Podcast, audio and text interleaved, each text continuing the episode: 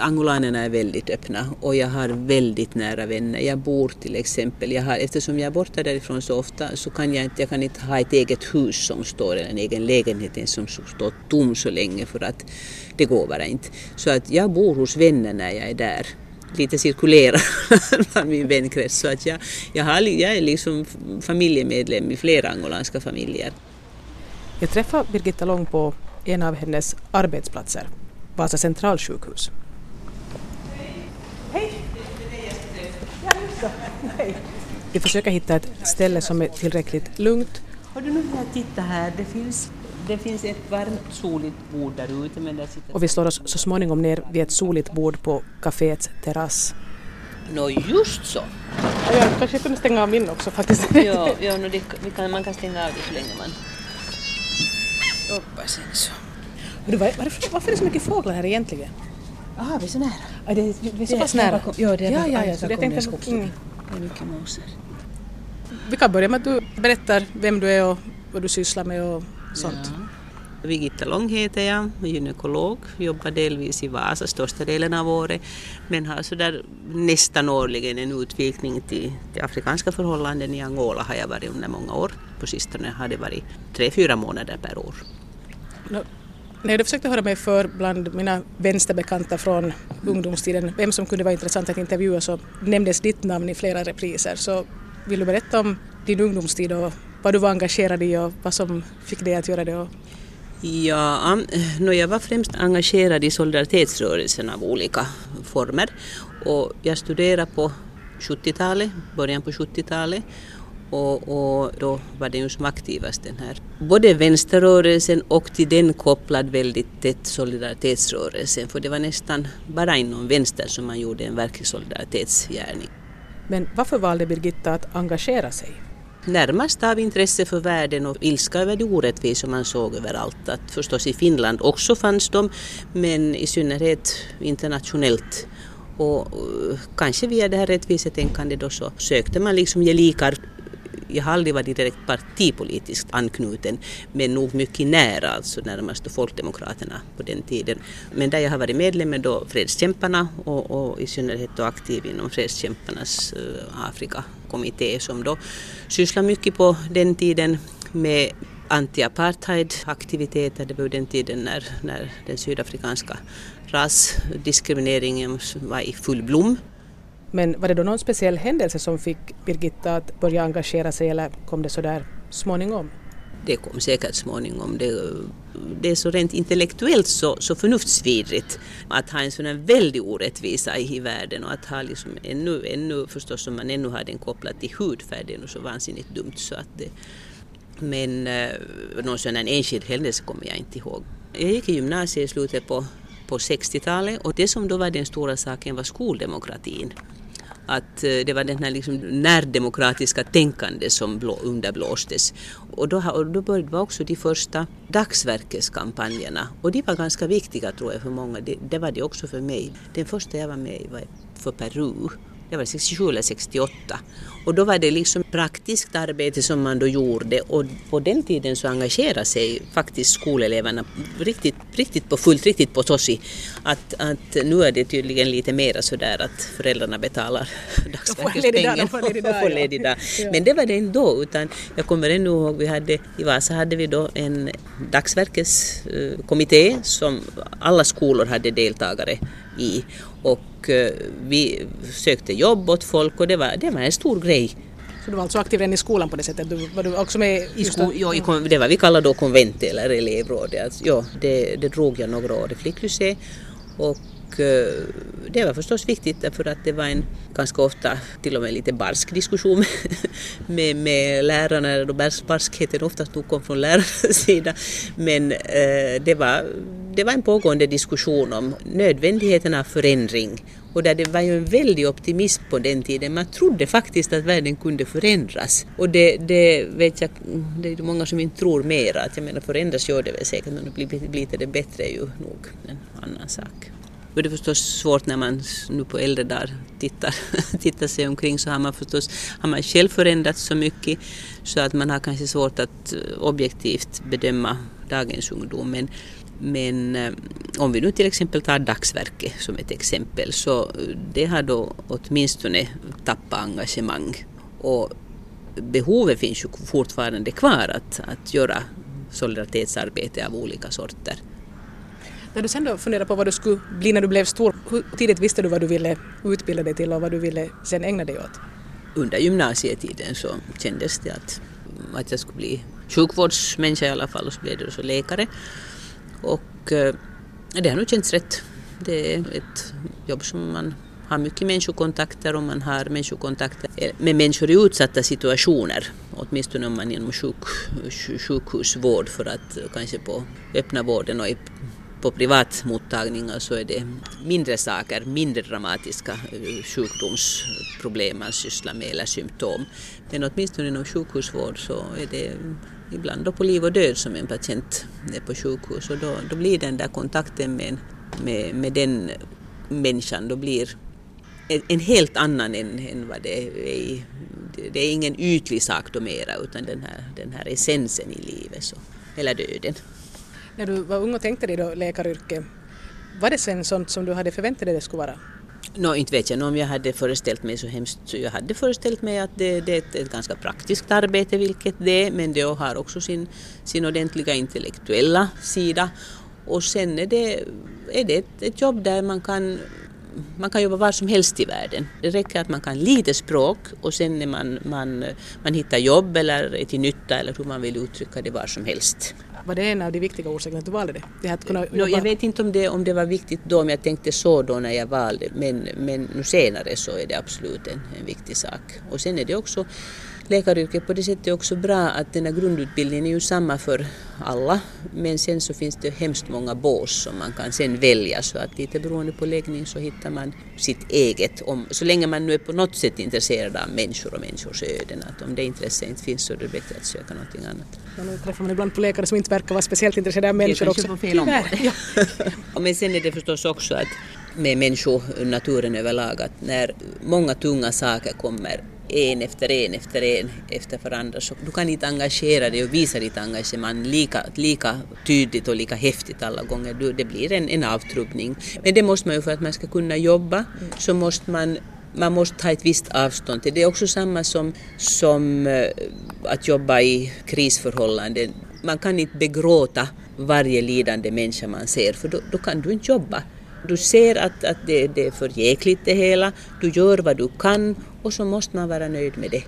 Och då måste man framförallt vara praktisk. Alltså du, du gör, gör så gott du kan och du gör så mycket du orkar och så sen måste det vara bra med det. Då, det är som en, en gammal väninna som nu är död, i, i, som också var mycket engagerad. Hon sa att, att eh, kom nu ihåg att, att ingen kan göra allt, men alla kan göra någonting. Så att det, och det är säkert en devis som inte bara hennes. Men, men du minns det från henne? I alla fall, jag minns det från henne. Men vad, har du haft den här förmågan från början att du kunna liksom se sådär praktiskt på det och kunna stänga av? Eller jag, är väldigt jag är en väldigt praktisk människa. Jag, det, det har inte kommit med erfarenhet? Det, det Nej, det är nog alldeles i grunden. jag brukar dela in folk i, i två sådana huvudgrupper. De som är kreativa och de som städar. Och de här kreativa då, de här konstnärerna av olika sorter. Och också sådana som, som är väldigt, väldigt innovativa och, men lämnar ofta röra efter sig. Sen har du de här städarna som då är jag, som är väldigt praktiska städar upp om det då är liksom bland folks hälsa eller under en operation i folks bukar eller patienternas bukar eller om det är man försöker städa i samhället. Det här sista är säkert det allra svåraste. Och det är det du försökt, det är det du har gjort alltså? Ja, men, ja, men det, är ju inte, det syns ju just ingenstans så att Men det är också som, som en annan av grundsanningarna i livet att det, det viktiga är egentligen inte vad du åstadkommer utan det viktiga är vad du, vad du försöker göra och hur det känns medan du gör det, det, det är för den enskilda personen. Sen förstås för samhället i sin helhet är det, ju, är det ju viktigt vad som åstadkoms, men för den egna själafridens och välmåendes skull så är det viktigaste att du, du vet att du har försökt, om du sen inte har kommit fram eller till och med misslyckats, så om du inte är väldigt osäker på dig själv så tror jag att, att du ändå kan acceptera att du har gjort ditt bästa, punkt och slut. Men att om man inte skulle ens ha försökt så skulle man kanske vara missnöjd. Då, ja, då, det som också, de saker man vill göra så ska man göra fastän det känns omöjligt för annars ångrar man sig efteråt. inte lämna saker, saker ogjorda om det finns en chans att försöka om, om de känns viktiga. Så. Och du tycker att du har gjort det? En del saker, många saker är ogjorda. Det, det ju, har du tänkt försöka hinna? Det blir, det, no, det blir allt mera bråttom och tiden accelererar och den kan man ju inte vinna hur man än försöker. Men om du försöker gå tillbaka när du, då var, du sa att du var aldrig med i det här, alltså i något politiskt parti och sådär, men du var ganska nära. Ja, men, du, ja. Var det ett medvetet ställningstagande, du ville inte gå med i något parti eller var det bara att du var mer intresserad av de andra sakerna? No, jag har alltid haft svårt med att gå in i en grupp där det krävs att du ska följa en gruppdisciplin och gruppbeslut. I vissa krissituationer så är det säkert nödvändigt, men jag har inte varit i en sån krissituation någonsin i livet. Men det att, att andra, eller att det, också fast det är majoritetsbeslut då i gruppen, att, att följa det, det beslutet om det inte känns rätt för mig, så då hamnar jag i en konfliktsituation och jag tar inte nödvändigtvis liksom en inre konfliktsituation om man kan undvika det. det jag tycker inte uh, det är bakomliggande till många av mina val i livet att jag, jag vill inte bli i en sån situation när jag ska stå som åsna mellan två eldar eller, eller två utgångar. Hellre då en sak i sänder. det har varit mitt konstanta tillstånd sedan jag var i tonåren. Jag vet inte sen. Ja, det, det. då är du tuff som, som sitter och skrattar. vad, kan, vad kan jag annat göra? Bättre att gråta. Nej, det, det är sant. Det är som angolanerna säger. Hjälper det inte att gråta så skrattar man och ordnar fest istället. I vilket skede kom du sen konkret att liksom faktiskt börja vistas i Afrika och göra saker i Afrika? Redan under, under utbildning, jag blev då klar läkare när jag var 26, var 25 eller 26, då visste jag att jag ville ut och jobba. Dels för att jag hade då varit med i den här globala rättvisekampanjen, eller vad jag ska kalla det, solidaritetsrörelsen, och dels för att, att det var intressant till stor del också av äventyrslusta, att se hur världen ser ut och hur andra kulturer fungerar och, och sen samtidigt göra någonting praktiskt där för att berättiga sin existens. För att jag tycker inte heller att man ska inte åka som som turist eller man ska inte åka som, som åskådare bara till fattiga eller krisdrabbade områden för om det redan är svårt med med förnödenheterna för den lokala befolkningen så ska man då inte behöva flyga in en massa extra för utlänningar som bara kommer och tittar. Det är en annan sak då med journalister och med biståndsarbetare.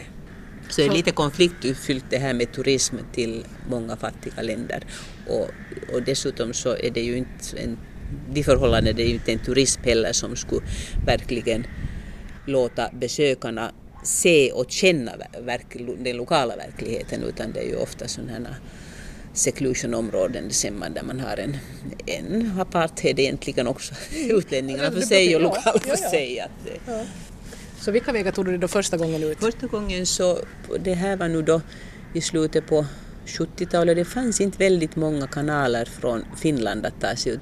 Så att då då åkte jag via en svensk organisation, Afrikagrupperna i Sverige, som också hade sysslat mycket med, med anti-apartheid-aktiviteter i Sverige och, eh, och som eh, hade börjat rekrytera biståndsarbetare till Mosambik och eh, för att stödja Namibia, eller den namibiska befrielserörelsen, eller SWAPO.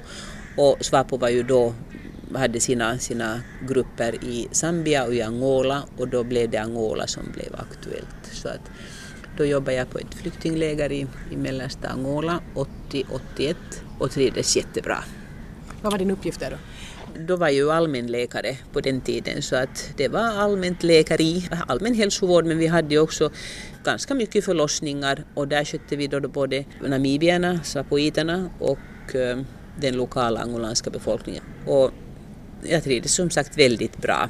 Och sen så några år senare, sen när jag, då hade jag skaffat mig gynekologspecialisering och var då, ville då åka ut igen och då var Namibia fortfarande under sydafrikanskt styre så dit kunde man inte åka och då blev det så att jag åkte till angolanska sidan av Angola istället. Alltså namibiska flyktinglägren fanns kvar i Angola då ännu men de behövde inte egentligen gynekologer utan de, gynekologerna behövdes, eller specialiserade läkare behövdes mera på de angolanska sjukhusen. Så då jobbade jag på ett angolanskt sjukhus i sydvästra Angola där det också fanns ett namibiskt flyktingläger ganska nära. Så att, att den där namibiska kontakten höll jag då i viss mån, lyckades hålla då under den tiden. Då jobbade jag tre år och trivdes. Var du där liksom i ett streck då hela tiden? Då var jag ett streck, ja. Jag trivs väldigt bra med angolaner, det är någonting som synkar i, i mentaliteterna. Det finns mycket trevligt folk i Angola. Och sen har jag alltid återvänt dit till, till det där samma område. Jag har jobbat lite också i angolanska huvudstaden i Luanda men mest har jag varit där i sydvästra. Men det måste ju ha varit en helt annan, jag menar att jobba där som läkare, det kan ju inte ha funnits samma utrustning som fanns i Finland och sådant. Hur, hur var det att... Nej, det är klart göra... att det inte finns men man kan göra väldigt mycket med bara gammalmodiga metoder med sina händer, med ett enkelt stetoskop, med, med blodtrycksapparat och sen förstås operera måste man ju kunna om man ska vara, jobba som gynekolog i, i fattiga förhållanden. Till fattigdomen hör att, till kvinnors fattigdom hör att det är mycket graviditeter och förlossningar och det är ju en väldigt, väldigt stor mödradödlighet och det var liksom den här stora chocken när jag kom till Angola 87. Jag hade inte, jag hade inte riktigt insett hur stor den här mödradödligheten var. Så att det är nu den här varit den här kampen, den här naven som jag nu cirkulerat kring i sedan 20 år ungefär. Att hur man kan med olika dels medicinska metoder, dels sociala metoder, undervisning framförallt och kontakter med traditionella makthavare, hur man kan försöka minska mödradödligheten. Mödradödlighet är ju, all, all dödlighet förstås har sin, sin sorg men mödradödligheten absolut värst. För du har den där oftast, oftast då unga kvinnan, eller ung 40 år, lite på 40 högst. Men sen har du ofta en hel barnkaskad som blir moderlösa och det där med fadern så, så räcker oftast inte till. Så mödradödlighet är en social, individuell, social och familjekatastrof. Och sen är det också en ekonomisk katastrof för att kvinnor gör ett så fruktansvärt viktigt ekonomiskt arbete. Att under, dels för att sköta familjen, dels odlar de, dels att jobba de mm, för, i förvärvsarbete också. Så att, att eh, det, men det är långsamma processer. Och ofta om du, om du, när du pratar med en, en fattig kvinna som kanske har fyra döda barn och har ännu sin åttonde eller nionde graviditet, att varför hon igen nu då har blivit gravid och då är det ganska ofta att hon försöker hålla kvar sin man på det sättet eller då, den man som, hon, som är då fader till det här barnet. Att det är ett, ett försörjningsförsök för att eh, ekonomiskt så är en ensamstående kvinna har svårt att klara sig. Det går nog det också om hon har utbildning men om hon inte har utbildning eller är en fattig kvinna så då är det svårt att klara sig på egen hand i synnerhet med stor barnskara.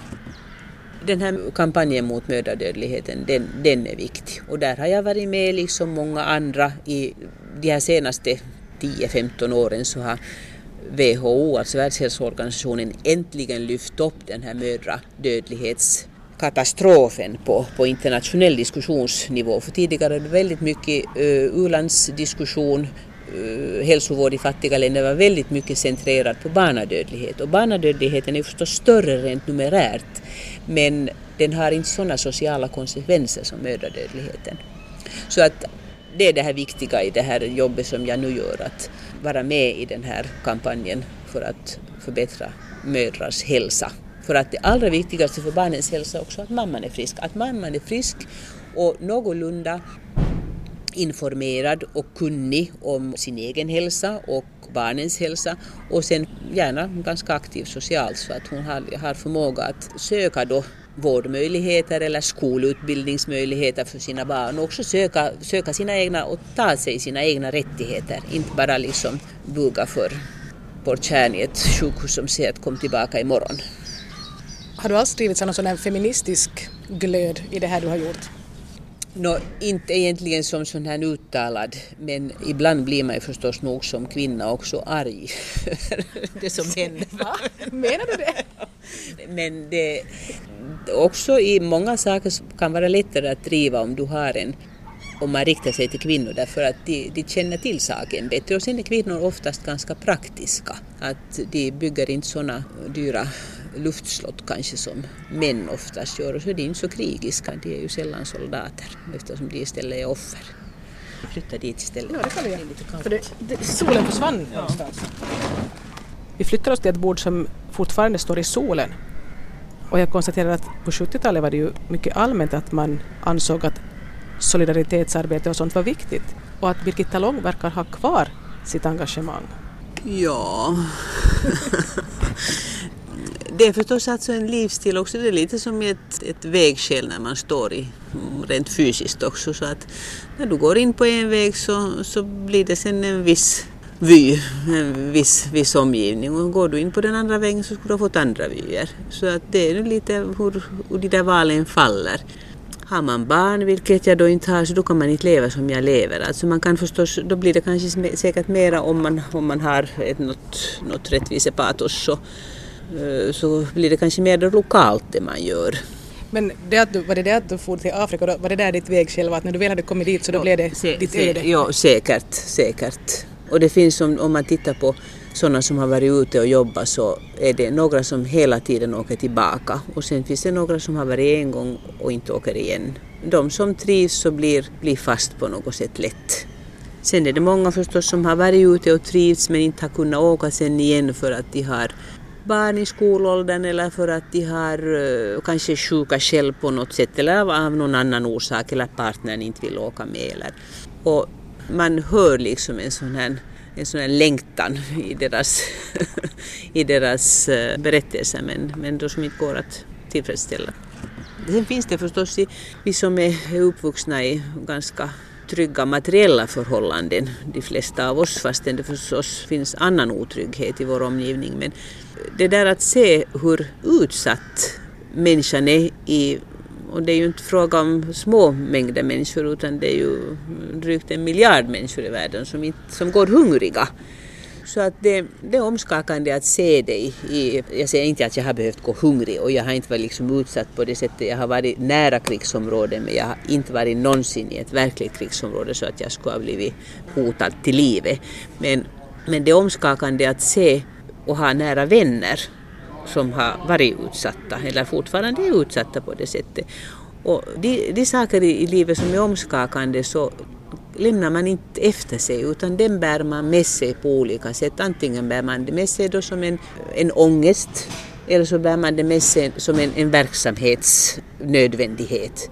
Och jag blir alltså, jag blir ångestfylld om jag ser någonting som jag tycker är jättetokigt och inte kan göra någonting åt det. Så att delvis är det rent säkert det här profylax jag sysslar med.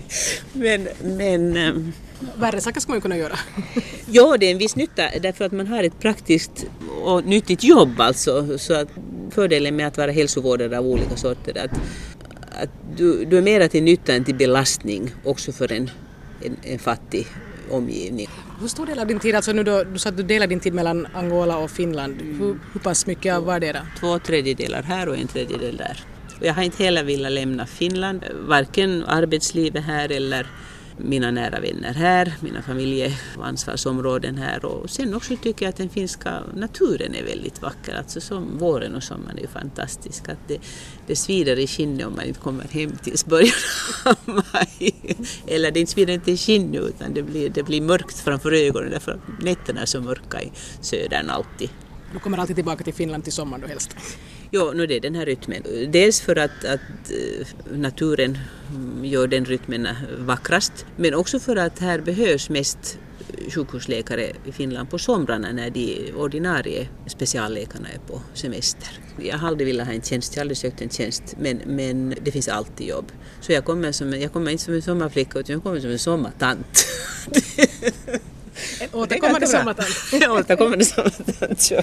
Mm det har passat mig bra. Det, det är lyckligt om man kan välja sin livsform på det sättet att man, man trivs med den och att man kan göra det, det valet ganska självständigt förstås med jakttagande av, av omgivningens behov också men jag har på det viset haft tur att jag, jag nu, den här livsstilen som jag nu har att jag, jag, jag rör mig ganska fritt enligt hur det känns bäst för mig men det går också ihop med ett jobb som behövs både där och här. Tycker du att du helt har kommit in i det där samhället där också i Angola, att du känner att du hör till där? Eller? Angolanerna är väldigt öppna och jag har väldigt nära vänner. Jag bor till exempel, jag har, eftersom jag är borta därifrån så ofta så kan jag inte, jag kan inte ha ett eget hus som står, eller en egen lägenhet som står tom så länge för att det går bara inte. Så att jag bor hos vänner när jag är där lite cirkulerar bland min vänkrets. Så att jag, jag, har, jag är liksom familjemedlem i flera angolanska familjer. Så att, och det, det är väldigt tur. Där Tänker du fortsätta med det så länge det bara är möjligt? Nå, ännu åtminstone. Det, man kan ju inte fortsätta om man blir sjuk till exempel och snart går jag på pension.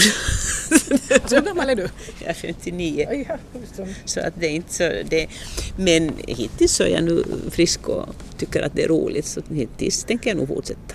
Du nämnde att du inte har barn. Är det liksom någonting som har kommit av att du har valt en sån här livsstil eller har, du valt, har den här livsstilen varit möjlig för att du inte har fått barn? Både och.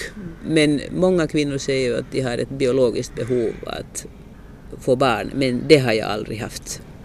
Men det här att Birgitta inte har barn, det har varit lite förbryllande i Afrika det är så grundläggande att kvinnor har barn, om de då antingen är ensamstående eller oftast nog då eh, i, i äktenskap eller samboende. Men det är väldigt sällan som en kvinna är barnlös. Och därför så tror de ofta att jag är antingen nunna eller så tror de att jag är eh, märklig. så de frågar ofta att varför har doktorn inte något barn? Och då brukar doktorn svara att då skulle jag inte kunna jobba och leva på det här sättet som jag gör. Och så, säger, och så då, nästa fråga är Lever inte din mamma? Varför, ger du, varför lämnar inte du barnen åt din mamma att sköta? Det gör man i den afrikanska kulturen och det går därför att familjen hålls som en helhet och det är en stor familj som fungerar men den traditionen har ju inte vi här mera. Det är praktiskt omöjligt. Så att, Alltså det, är hemskt ja, det är svinkallt. Ja, det blir fort kallt så fort solen går bort. Ja. Ännu som sagt tänkte jag på det här med, finns det någonting av det ideal du hade då när du var ung och när du kämpade för det, det var solidaritet och det var fredsrörelse och sådär. Som du tycker... kämpa, jobba. No, jobba, okej, okay, okay, du kämpar inte, du jobbar. Mm. Som du tycker att eh, ni hade fel i, att ni var lite naiva eller att ni på något sätt tyckte fel om någonting då? Egentligen inte. Alltså det finns eh, många som har varit med under kanske då kraftigare partianslutna till kommunistpartiet. Jag har ju inte varit det, men de har kanske då många har samvetskval för att det var, det var som de var med om då kanske inte eh, de lyckas försvara idag. Men för, för det som, som solidaritetsrörelsen jobbar för och för avkoloniseringen av Afrika, vilket har varit, varit en absolut eh, startpunkt för, för eh, alla möjliga eller förändringar, så det har varit nödvändigt att ha flera maktcentra i i världen. Och utan det socialistiska blocket ser jag inte hur Afrika skulle kunna bli avkoloniserat. Eh, kanske överhuvudtaget, åtminstone inte så snabbt som det ändå hände. Alltså. Så att eh, det att man har varit med i den här delen av solidaritetsrörelsen som ju klart stöddes av Sovjet och de socialistiska länderna så det har jag inga samvetsbetänkligheter för. Så att eh, sen förstås, den, det är ju alldeles uppenbart och det är inte någonting som jag insåg först efter att Sovjet föll att det har varit en väldig repression i Sovjet och också i, i de östeuropeiska alltså, länderna. Du insåg det först efteråt? Det, det, det insåg jag redan länge in, innan. Det, jo, jo, jag det, det fanns ju litteratur liksom som du kunde läsa om uh, vad som hade hänt i Ukraina till exempel under Stalins tid. Du kunde läsa om vad som hände i ryska Karelen under det, alltså det, hela den här förföljelsen under Stalins tid så var alldeles uppenbar. Och också hur lite, hur, hur kort den där svångremmen i Östeuropa var. Men men det oaktat så har effekten av det socialistiska blockets politik i Afrika så enligt min uppfattning positiv. För att det har bidragit till att afrikanerna har haft någon slags valmöjligheter. Har de inte fått vad de har behövt från en så har de kunnat gå till en annan. Så länge det finns flera maktcentra så är det alltid, alltid bättre för de som är i underläge. Så att, eh, som jag sa här tidigare, att jag har alltid haft svårt att gå in i en grupp som gör stora vittgående beslut och som gruppdisciplinen binder alla medlemmar. Det har, det har jag svårt med för att jag vill inte ha en, in, jag vill inte ha en inre konflikt utan om, om, jag, om jag inte kan med samvete någorlunda lugnt göra en sak så då, då låter jag bli.